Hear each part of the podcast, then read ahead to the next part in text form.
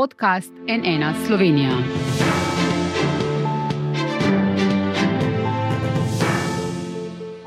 Dobr dan, to je NN studio. V Bruslju je ponovno potekala razprava o Sloveniji, točneje o tukajšnjih medijih. Evropska poslanka iz vrst SDS Romana Tomc je namreč v Evropskem parlamentu pripravila konferenco z naslovom Medijska svoboda v Evropski uniji. In slišati je bilo precej očitkov na račun vlade Roberta Goloba, čež da izvaja hude pritiske na medije, da odstavlja urednike in izvaja kadrovske čistke. Iz vrst vladajoče svobode pa odzivi, da je šlo za šov in da je Romana Tomc v Bruslju organizirala širjenje neresnic in klevet.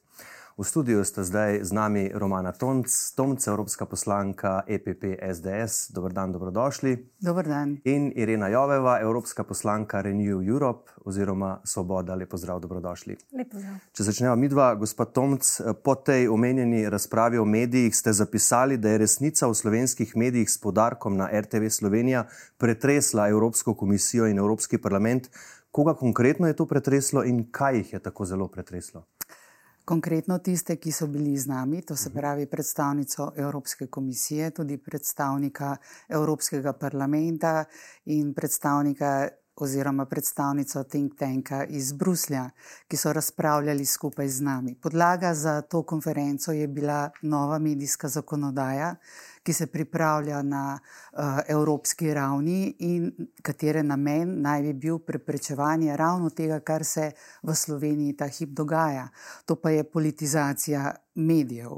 Seveda uh, sem povabila tudi zelo eminentne goste iz Slovenije, ki so predstavili rekla, resnico oziroma realno sliko o medijski sceni v Sloveniji s poudarkom na tem, kaj se dogaja uh, v, bistvu v postopku, ki teče na ustavnem sodišču in zadeva nov zakon o RTV. To je predstavil uh, dr. Peter uh, Gregorčič. Povabljen je bil tudi Peter Jančič kot eden izmed tistih, ki imajo osebne izkušnje uh, Eh, kako deluje slovenska medijska, medijska scena, kako je, če si en dan urednik na nekem portalu, ki je posredno v državni lasti, drug dan te pa politično odstavijo, in tretji gost je bil pa z namenom Miro Petek, ki je eden. Če ne edini, mislim, da je edini od slovenskih novinarjev, ki je bil grobo fizično napaden in je pravzaprav skoraj komaj preživel nekaj let nazaj, kot eden izmed primerov, ne, kaj se z novinarji ne bi smelo dogajati. Uh, odzivi, ki so vidim tukaj v Sloveniji na to konferenco, rekla me, um, navdajajo uh, z nekim prepričanjem, da smo zadeli žebljico na glavico. Uh mhm. -huh. Odzivi so namreč uh, bili povsem pričakovani.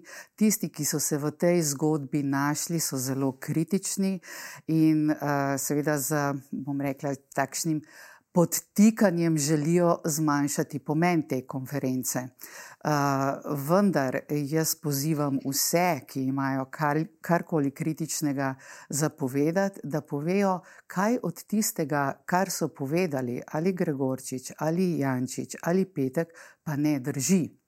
Tako da uh, tukaj uh, je najbrž marsikoga zelo zabolelo, da je prišla Evropske, v Evropskem parlamentu tudi druga plat medalje na površje. Namreč do zdaj smo se pogovarjali samo z gosti, nikoli ti trije niso bili povabljeni, vedno so bili povabljeni neki drugi, ki so predstavljali nekakšno drugo zgodbo o slovenskih medijih, tako da je prav, da predstavniki evropskih institucij izvejo tudi to. Gospa Jojeva, vi na tej konferenci niste sodelovali. Kako odgovarjate, gospod Tomc, ki pravi, da se v Sloveniji dogaja politizacija medijev, da so to v bistvu povedali tudi gosti, ki jih je povabila na to razpravo? Kako vi uh, odgovarjate in kako gledate v bistvu tudi na to izbiro gostov in na samo debato?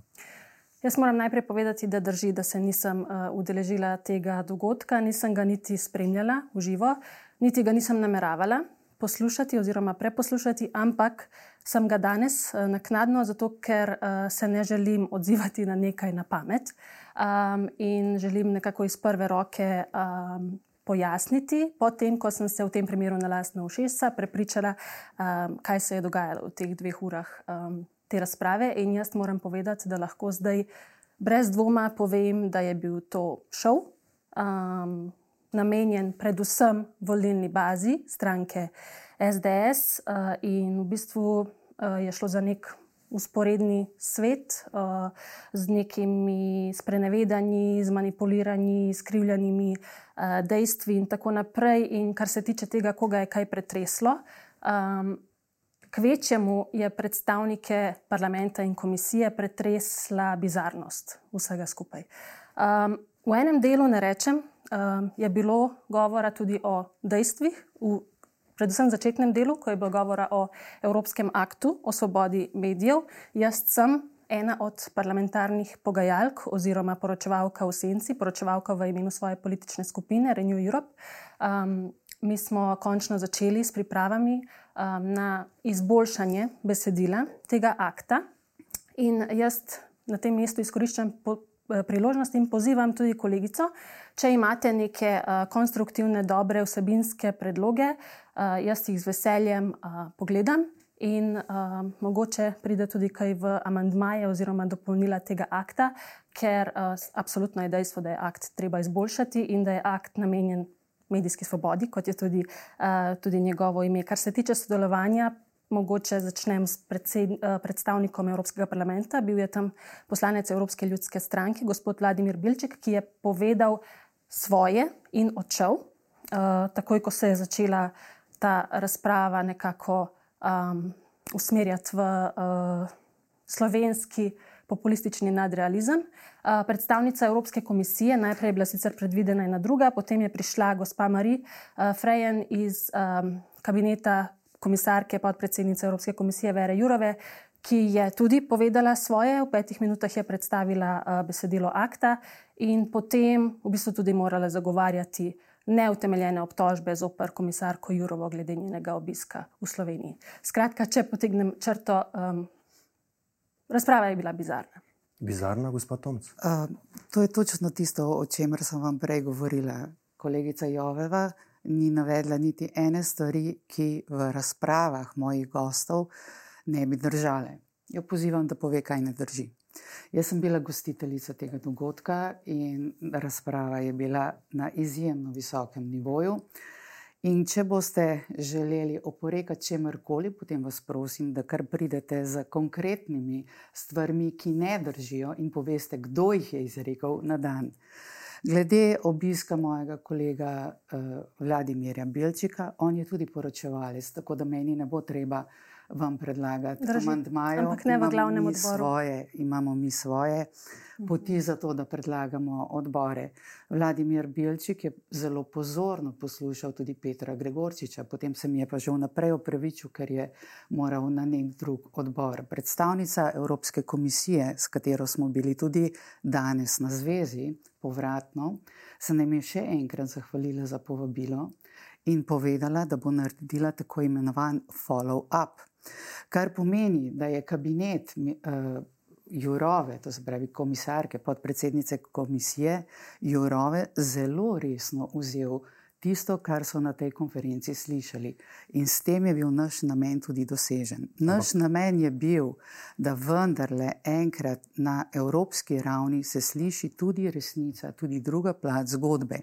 In še enkrat pozivam tiste in tudi vas, da poveste, kaj točno tistega, kar so izrekli moji gostje, kaj od tistega ne drži. Uh mhm, -huh, ni problema.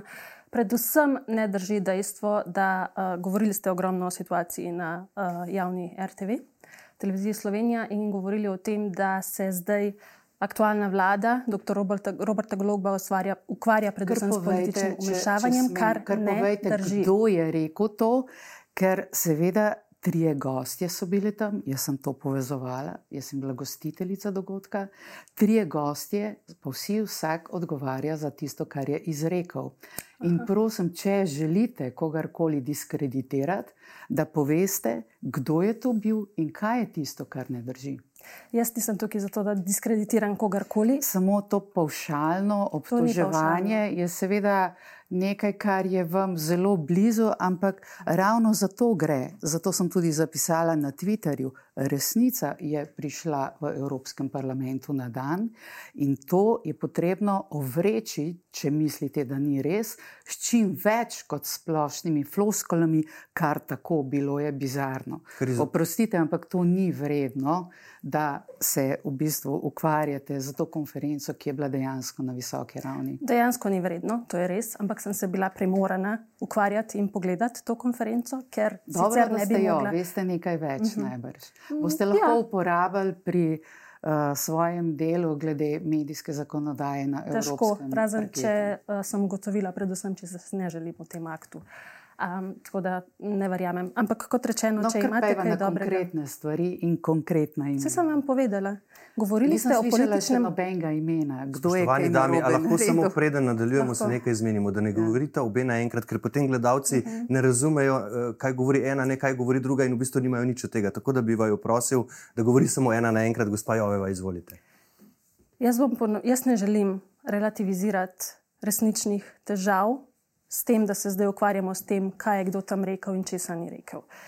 Lahko si čisto vsi pogledajo to konferenco, ta dogodek, jaz sem si jo in zato lahko, ker sem si jo pogledala, povem, da je bila, po mojem mnenju, bizarna in da je bilo uh, na njej povedanih ogromno izkrivljenih zadev. In um, seveda, predstavniki Evropske komisije in parlamenta, in mogoče še kdo, ki je bil tam, so si lahko pogledali oziroma slišali marsikaj, ampak zelo dobro vedo, kakšno je stanje v Sloveniji, in zelo dobro vedo tudi. Um, uh, Da je aktualna vlada dr. Roberta Goloba začela reševati stvari, ki so se zgodile pod prejšnjo vlado. Lahko se pogovarjamo o finančnem izčrpavanju, ki se je dogajalo s eh, Slovenske tiskovne agencije, kar je počela prejšnja vlada. Mimo grede, tudi to je stvar, ki je navdahnila določen del besedila akta o medijski svobodi. Tako da uradniki, evropski komisarji, vsi, tudi tisti, ki se ukvarjamo s tem aktom, zelo dobro vedo in vemo, kaj se dogaja.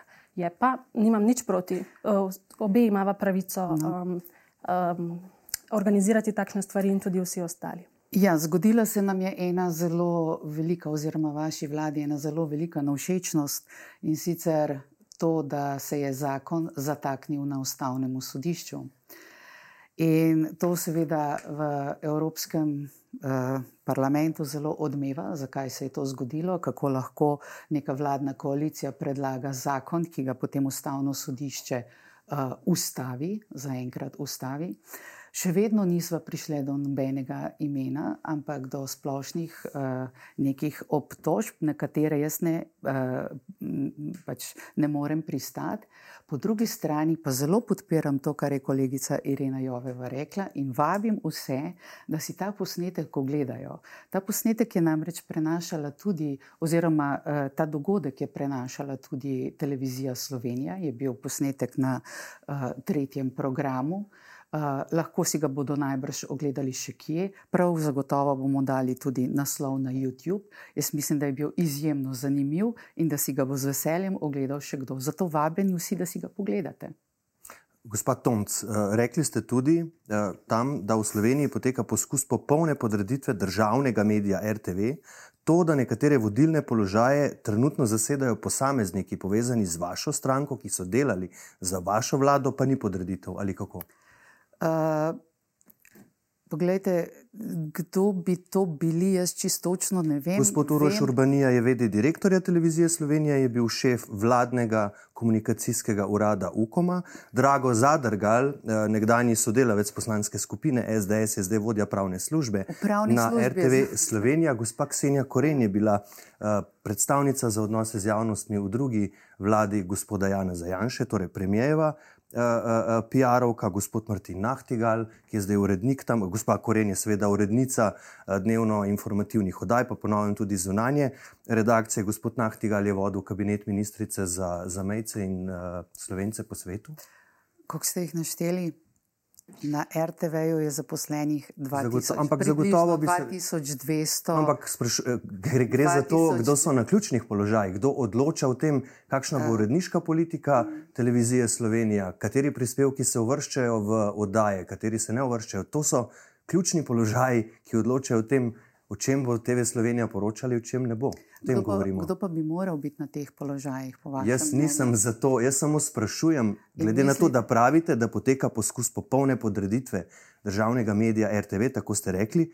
Me zanima, če to, da vodilne položaje zasedajo ljudje povezani z vašo vlado, pa ni podreditev. To vas sprašujem. Poglejte, razlog za to, da ne samo jaz, ampak še mnogi drugi mislijo, da poteka popolna politična, poskus popolne politične podreditve radio uh, televizije Slovenija, je seveda v tem, da je glavni namen novega zakona, ki ga je pripravila vladna koalicija, pravzaprav samo eden.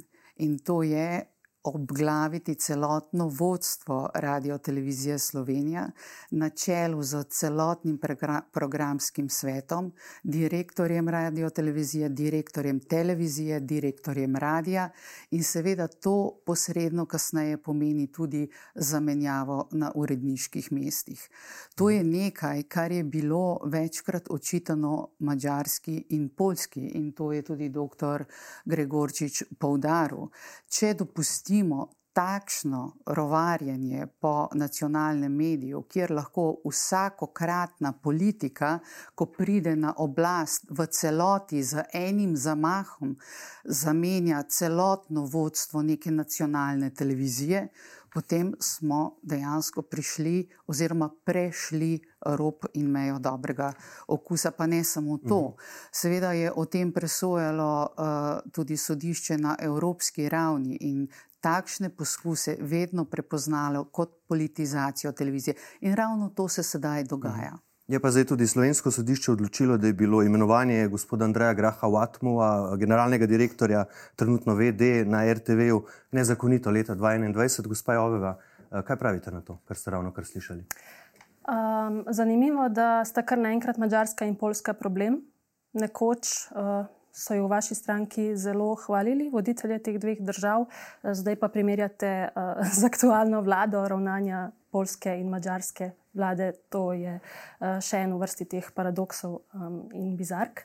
Um, jaz, moram... jaz nisem rekla nič drugega kot to, da se to, kar se je zdaj dogaja pri nas, se je dogajalo. Točno to, kar ste vi očitali Poljski in Mačarski. To se pravi, delate tisto, kar ste očitali nekomu drugemu. Popolnoma mhm. enako, ali bi pa rekla še malce v bolj grobi obliki. Mhm.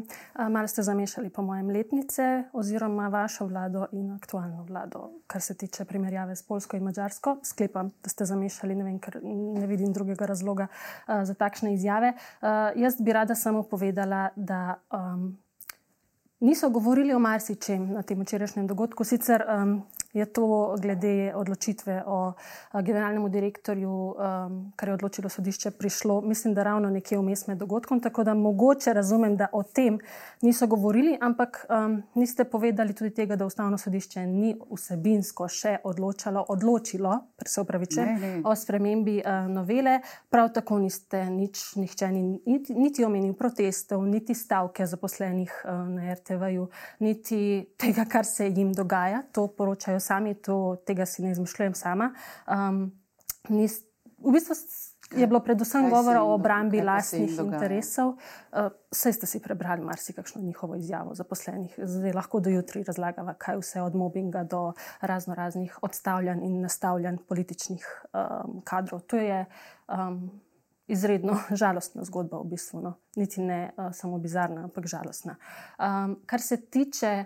Um, tega, da se vi nekako zatekate k skrajnostim kot stranka um, in k nekim izjavam, namenjenim izključno vaši volilni bazi, lahko povem lahko samo to, da večina, lahko povem samo to, da se večina vendarle tudi v Evropskem parlamentu nanaš, zanaša predvsem na kredibilne vire informacij in teh je res veliko. Če naštejem samo par zadnjih tednov, um, recimo Freedom House poročilo je zunaj in to poročilo piše o izboljšanju vladavine prava in izboljšanju demokratičnosti Slovenije po nastopu vlade dr. Roberta Goloba. Tudi VDM inštitut švedski piše o tem. Posebej je pa za izpostaviti poročilo Sveta Evrope, ki zelo jasno piše o medijski svobodi. Ta teden je bilo objavljeno, zelo direktno izpostavlja prekinitev brutalnih napadov na STA. Uh, izpostavlja tudi še vedno politično nastavljeno vodstvo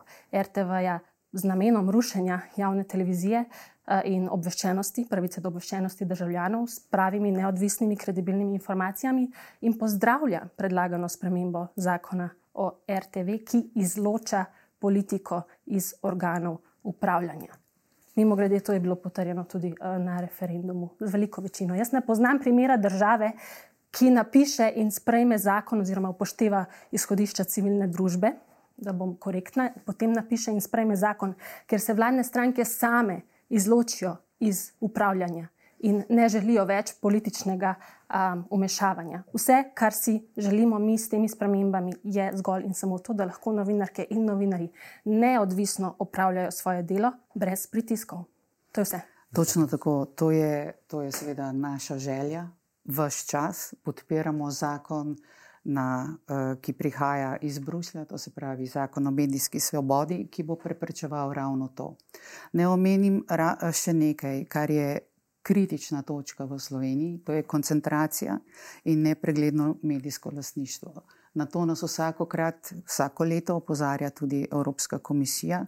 Tukaj imamo veliko črno piko in to bo potrebno popraviti. S tem se vaš zakon oziroma tudi inštitucije, ki bi morale nadzirati to, absolutno ne ukvarjajo. Jaz mislim, da je pa ključno, kar moramo vedeti v tem trenutku, je, da imamo v Sloveniji neko inštitucijo, vrhovno inštitucijo, ki se ji reče Ustavno sodišče. In Ustavno sodišče je najbrž z razlogom zaustavilo, nič nismo včeraj govorili o vsebinski presoji, ampak je bilo zelo jasno povedano, zelo pošteno povedano, da gre za to, da je ustavno sodišče zaustavilo postopek. In tukaj, in tukaj smo, in seveda ta. Eh, Ta postopek na ustavnem sodišču je za vas izjemno, izjemno uh, nekaj, uh, kar, vas, kar vas moti. In k temu kar, se še vrnemo, če kar, dovolite. Uh, bi še nekaj tukaj vprašal, gospod Tom. Vi ste v času prejšnje vlade, ne, ki jo je vodila vaša stranka SDS, opoziciji, ko je ta enako v Bruslju opozarjala, da se pač dogajajo in izvajo pritiski na slovenske medije, učitali, da notranje politične razprave seli na evropski parket, da v tujini blati ime Slovenije in da gre za poskus rušenja vlade. Kaj je tokrat drugače, ko so te vloge zamenjane in ko je vaša stranka spet v opoziciji? E, tokrat je zelo drugače. Tokrat imamo na mizi spremembo zakona, ki ruši nacionalno RTV. Uh -huh. uh, o njej, kot uh, ne morem dovolj močno poudariti, O tem presoja celo ustavno sodišče. Tako daleč smo prišli. Če se spomnite, takoj po nastopu mandata je ta vlada kot enega izmed prvih ukrepov sprejela, oziroma koalicija, njena koalicija v parlamentu sprejela zakon o RTV po hitrem postopku, to se pravi v popolnem naskladju z vladavino prava, če želite, tako z načeli vladavine prava, kajti ti hitri postopki, nujni postopki se lahko uporabljajo samo takrat, kadar gre za grožnjo državi, kadar gre za vojno stanje, kadar gre za naravne nesreče. In to je bila čista zloraba postopka. Ampak potem je to tudi nekje... prejšnja vlada želela spremenjati, eh, vlada Jana Zajanša je želela uh, dosti na začetku mandata spremenjati medijsko zakonodajo. Ravno tako, tako po nujnem postopku, pa so jo ustavili koalicijski partnerji. Eh, če gospa, lahko, če lahko uh, ja. samo komentiram. Ja tam v nobenem, tam ni šlo za zamenjavo vodstva.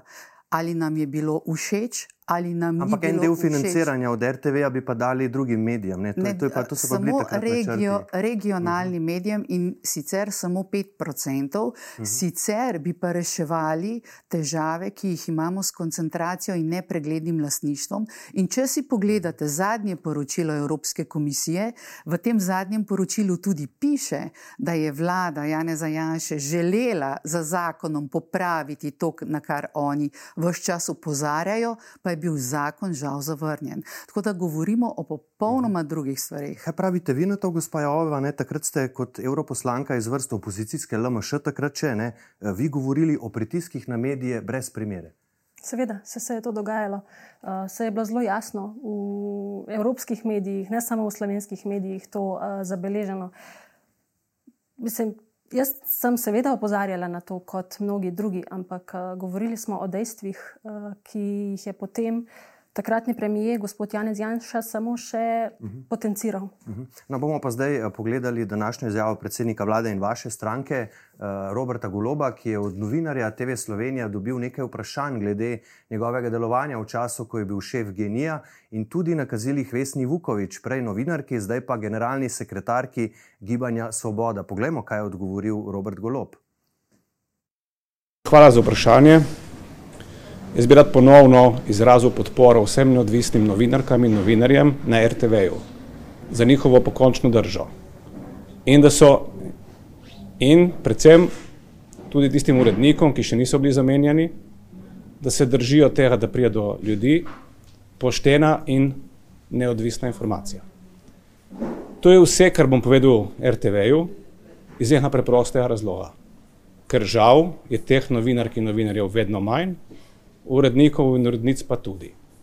Hkrati bom pa izkoristil priložnost in pozval ponovno ustavno sodišče, da ne, ne glede na to, da je javni interes in da nas se to spet kaže, da je javni interes izrazito ogrožen, hitro sprejme odločitev o ustavnosti zakona, ki je dobil plebiscitarno podporo na referendumu in ki jasno pove, kaj si ljudje mislijo o sedanji neodvisnosti politike, politike vodstva na RTV-ju. Hvala. Pa Tomc, eh, ne gre spregledati, seveda, da vsebinsko premijer ni odgovoril na eh, zastavljena vprašanja, ampak vi razumete to njegovo izjavo kot pritisk na ustavno sodišče? Jaz mislim, da bi se moral izogibati kakršnim koli takšnim izjavam, ker ja, lahko jo razumete tudi tako. Dejstvo je, da premijer ni odgovoril, tako kot sami pravite, na vprašanje, kar je že en velik indic, da se je znašel v izjemni zadregi. Mi smo govorili včeraj tudi o teh uh, povezavah, sumljivih, čudnih, nenavadnih povezavah, ko so neki ljudje, ki so se še leto nazaj gibali v novinarskih vrstah in bili nepregledno financirani, na nadoma prestopili v vladne vrste ali pa v vrste vladnih koalicijskih strank. To so čudne stvari. Uh, mi smo očitali ravno to, da je uh, podpredsednica Jurova se oglasila na ustavnem sodišču. Veste, uh, res je, da se lahko komisarji ustavijo tudi na ustavnem sodišču. Je pa izjemno nenavadno, zelo čudno in zelo sumljivo, da pridajo ravno takrat, ko poteka nek postopek, za katerega so oni predhodno se že zelo jasno izrazili, kaj si v tem postopku mislijo. Njena zagotovila vas pa ne prepriča. Ona njena... pravi, da se nikakor ni ja. pogovarjala z gospodom Ačetom. Dokler, dokler nimamo magnetograma in uh mhm. -huh. posnetka, pač ne moremo vedeti, kaj sta se pogovarjala. Razumem pa, da se želi komisarka zdaj iz te situacije nekako izvleči. Kaj me posebej navdaja uh, pač v prepričanje, da je naredila nekaj narobe in da se tudi sama tega zaveda. Poglejte, ona je šla uh, se pogovarjati o RTV-ju, se je pogovarjala s predsednico državnega zbora in je tudi rekla, da se je pogovarjala. Pred, uh, pogovarjala se je tudi za predsednico države. Je povedala, da so se pogovarjala o RTV-ju in šla je na ustavno sodišče, in samo tam se ni pogovarjala o RTV-ju. Uh mhm. In način, na katerega je odreagirala, kako zelo je hitela pojasnjevati, da se vendarle ni pogovarjala o RTV-ju, kaže na to, da se zelo dobro zaveda, da njen obisk na ustavnem sodišču nikakor ni bil primeren v tem trenutku. In to je tisto, kar jim mi očitamo. Gospa Joveva, kaj pravite na to? Tudi na izjavo premijeja, niso to pritiski tudi vaša strankarska kolegica, prav tako nekdanja novinarka, eh, sicer z RTV, Mojca Šetinc Pašek, na odprtem Facebook profilu danes piše, eh, citiram, da ustavni sodniki z zadržanjem treh členov zakona o RTV držijo štango interesu skrajno desne stranke SDS, da so ravnali politikansko, ne po pravu, še manj v interesu uh, ljudi. To je poslanka vladajoče stranke. Mar ne gre tu za umešavanje v odprt postopek na ustavnem sodišču? Zelo jasno je, da ustavno sodišče vsebinsko še ni odločilo o zadevi. Pika. To sem že povedala, to lahko ponovim samo še enkrat. Izjave lahko komentira vsak po svoje, ne, kakor komu paše. Ampak um, dejstvo je, da vam se to ne zdi pritisk. Vam to se... ne drži. Izjave ne more komentirati vsak, kakor ja, hoče. Ja, če, če seveda se ne zaveda, da je vladajoči politik poslanec, da je komisar, da je predsednik vlade, ker ti, te izjave ljudi na takšnih funkcijah imajo seveda popolnoma drugačen učinek, kot če jih izreče nekdo nekje na ulici ali pa tako. In te, uh, uh, verjemite, da poslanec. Uh, v nemškem parlamentu, ki bi kaj takega izjavil, bi drug dan odstopil. To, to se enostavno ne more in ne sprejema, to se ne počne, to je politično nehigienično in nedopustno. To je totalen pritisk na, uh, veste, ni, ne boste nikoli slišali. Predlagam ustavnemu sodišču, da odloči tako in tako. Seveda, da ne, pa saj nismo od včeraj te politični pritiski pač se vršijo na takšen način, kot je očitno Mojca Pašek Šetinc zelo nespametno in nespretno zapisala na javnem svojem profilu.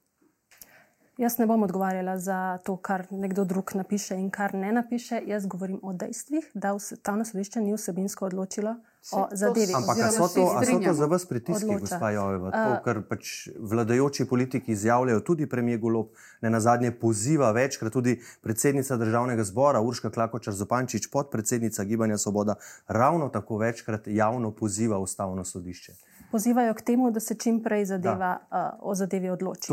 Ne k temu, mhm. kaj naj se odloči uh mhm, -huh. kdo, mhm. ampak temu, da se čim prej razreši stanje, ki ga imamo. Uh -huh. Dobro, pri koncu smo, bi vaju še obe prosil, ali se torej svoboda medijev v Sloveniji pod to vlado izboljšuje ali poslabšuje, gospod Jodva? Stanje svobode medijev se pod to vlado izboljšuje. Prej sem naštela uh, tri, lahko še kakšnega naštejem, kredibilne. Izvolite.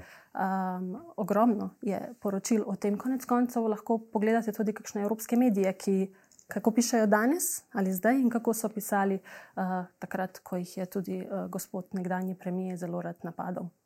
Jaz bi samo tukaj dodala, vendarle za razjasnitev, ne, da zelo lepo se sliši po evropski mediji, po evropske raziskave in tako naprej, ampak vendarle ne gre pozabiti, so, kdo, so bili, kdo so tudi sodelavci uh, teh medijev oziroma teh institucij, uh, ki pošiljajo informacije o Sloveniji inštitucijam, ki pripravljajo neke lestvice.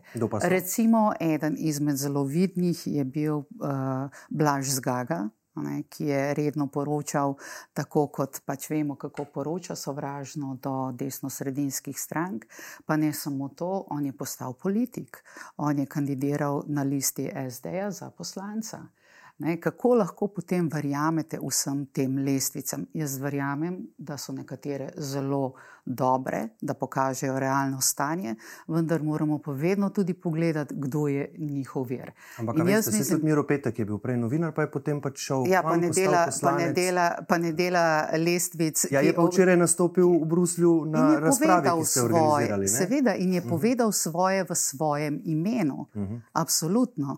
Uh, če eh, ste kolegica vprašali, jaz pa mislim, da je pač. Uh, medijska situacija v Sloveniji zelo zaskrbljujoča v tem trenutku. Kot rečeno, poleg tega, kar se dogaja na RTV-ju, kjer imamo zdaj ta postopek, o katerem že večkrat uh, uh, sva ga omenili, uh, mene skrbi tudi ta medijska koncentracija in nepregledno lasništvo. Uh, seveda, uh, ločiti moramo javne medije in ločiti moramo zasebne medije. Zasebni mediji lahko in naj poročajo, kakor hočejo, levo, desno, kakor želijo, ker so pač zasebni mediji v zasebni lasti odgovorni svojim zasebnim lastnikom uh, in seveda. Eh, na nek drugačen način poročajo, imajo svoje interese. Tako kot recimo imamo nekaj časnikov v Sloveniji, kjer so njihovi lastniki eh, pravzaprav ukvarjajo z drugim glavnim poslom, kot je uh, medijski. To seveda vpliva. Na drugi strani imamo pa javni medij. Ta javni medij pa mora biti skrbno zaščiten pred takšnimi grobimi posegi politike, kot se je dogodil zdaj in nikakor se v neki demokratični državi državi. Na to smo tudi včeraj uh, opozarjali, brez svobodnih medijev ni demokracije. V demokratični državi se ne more zgoditi, da politika, ki je prišla na oblast, z enim mahom odstrani celotno vodstvo, pazite, javne nacionalne radio televizije Slovenija. Se tudi pod vašo vlado je bil ne, takoj na začetku gospod Jančič, ki je bil prav tako včeraj v Bruslju imenovan na čelo Siola. Poglejte, govorimo o javni televiziji uh mhm. -huh. Slovenije, ne govorimo o delu, večeru, Siolu. Ampak Siol je posredno v državni, ne, državni lasti in lahko vsakokratna ali... vlada vpliva. Ne? In tudi tokrat ne je. To je sam gospod Jančič včeraj povedal. Izvolite, zaključne vaša gospod. Jaz Jalva. Eh, ne želim govoriti o levih, desnih medijih, sploh si pa ne želim, da se eh, uporablja narativ, da lahko v tem primeru ste rekli, zasebni mediji poročajo o čemerkoli želijo. Mediji morajo biti neodvisni in uh, to jim mi moramo omogočiti, ne levi, desni. Mediji morajo biti neodvisni. Strinjava se glede koncentracije in nepreglednega lastništva, tako da uh, tudi s tem se bomo ukvarjali um, v aktu, mogoče pa prideva vsaj v tem primeru do nekih skupnih uh, stališč. Uh, vas pa boli predvsem to, da so vam ljudje pokazali na prejšnjih volitvah in tudi na referendumih, izsiljenih referendumih, um, da, uh, da preprosto so sprevidli vse vaše splitke in ukane in si tega ne želijo več. In tu bomo naredili piko, spoštovani gosti, gospa Irena Joveva, gospa Romana Tom, spoštovani evropski poslanki. Hvala, da ste prišli v studio NN. Hvala lepa. Enako. Hvala pa tudi vam za vašo pozornost. Spremljajte nas še naprej na naši spletni strani nnainfo.si. Iz studija pa le še lepo zdrav in nasvidenje. thank you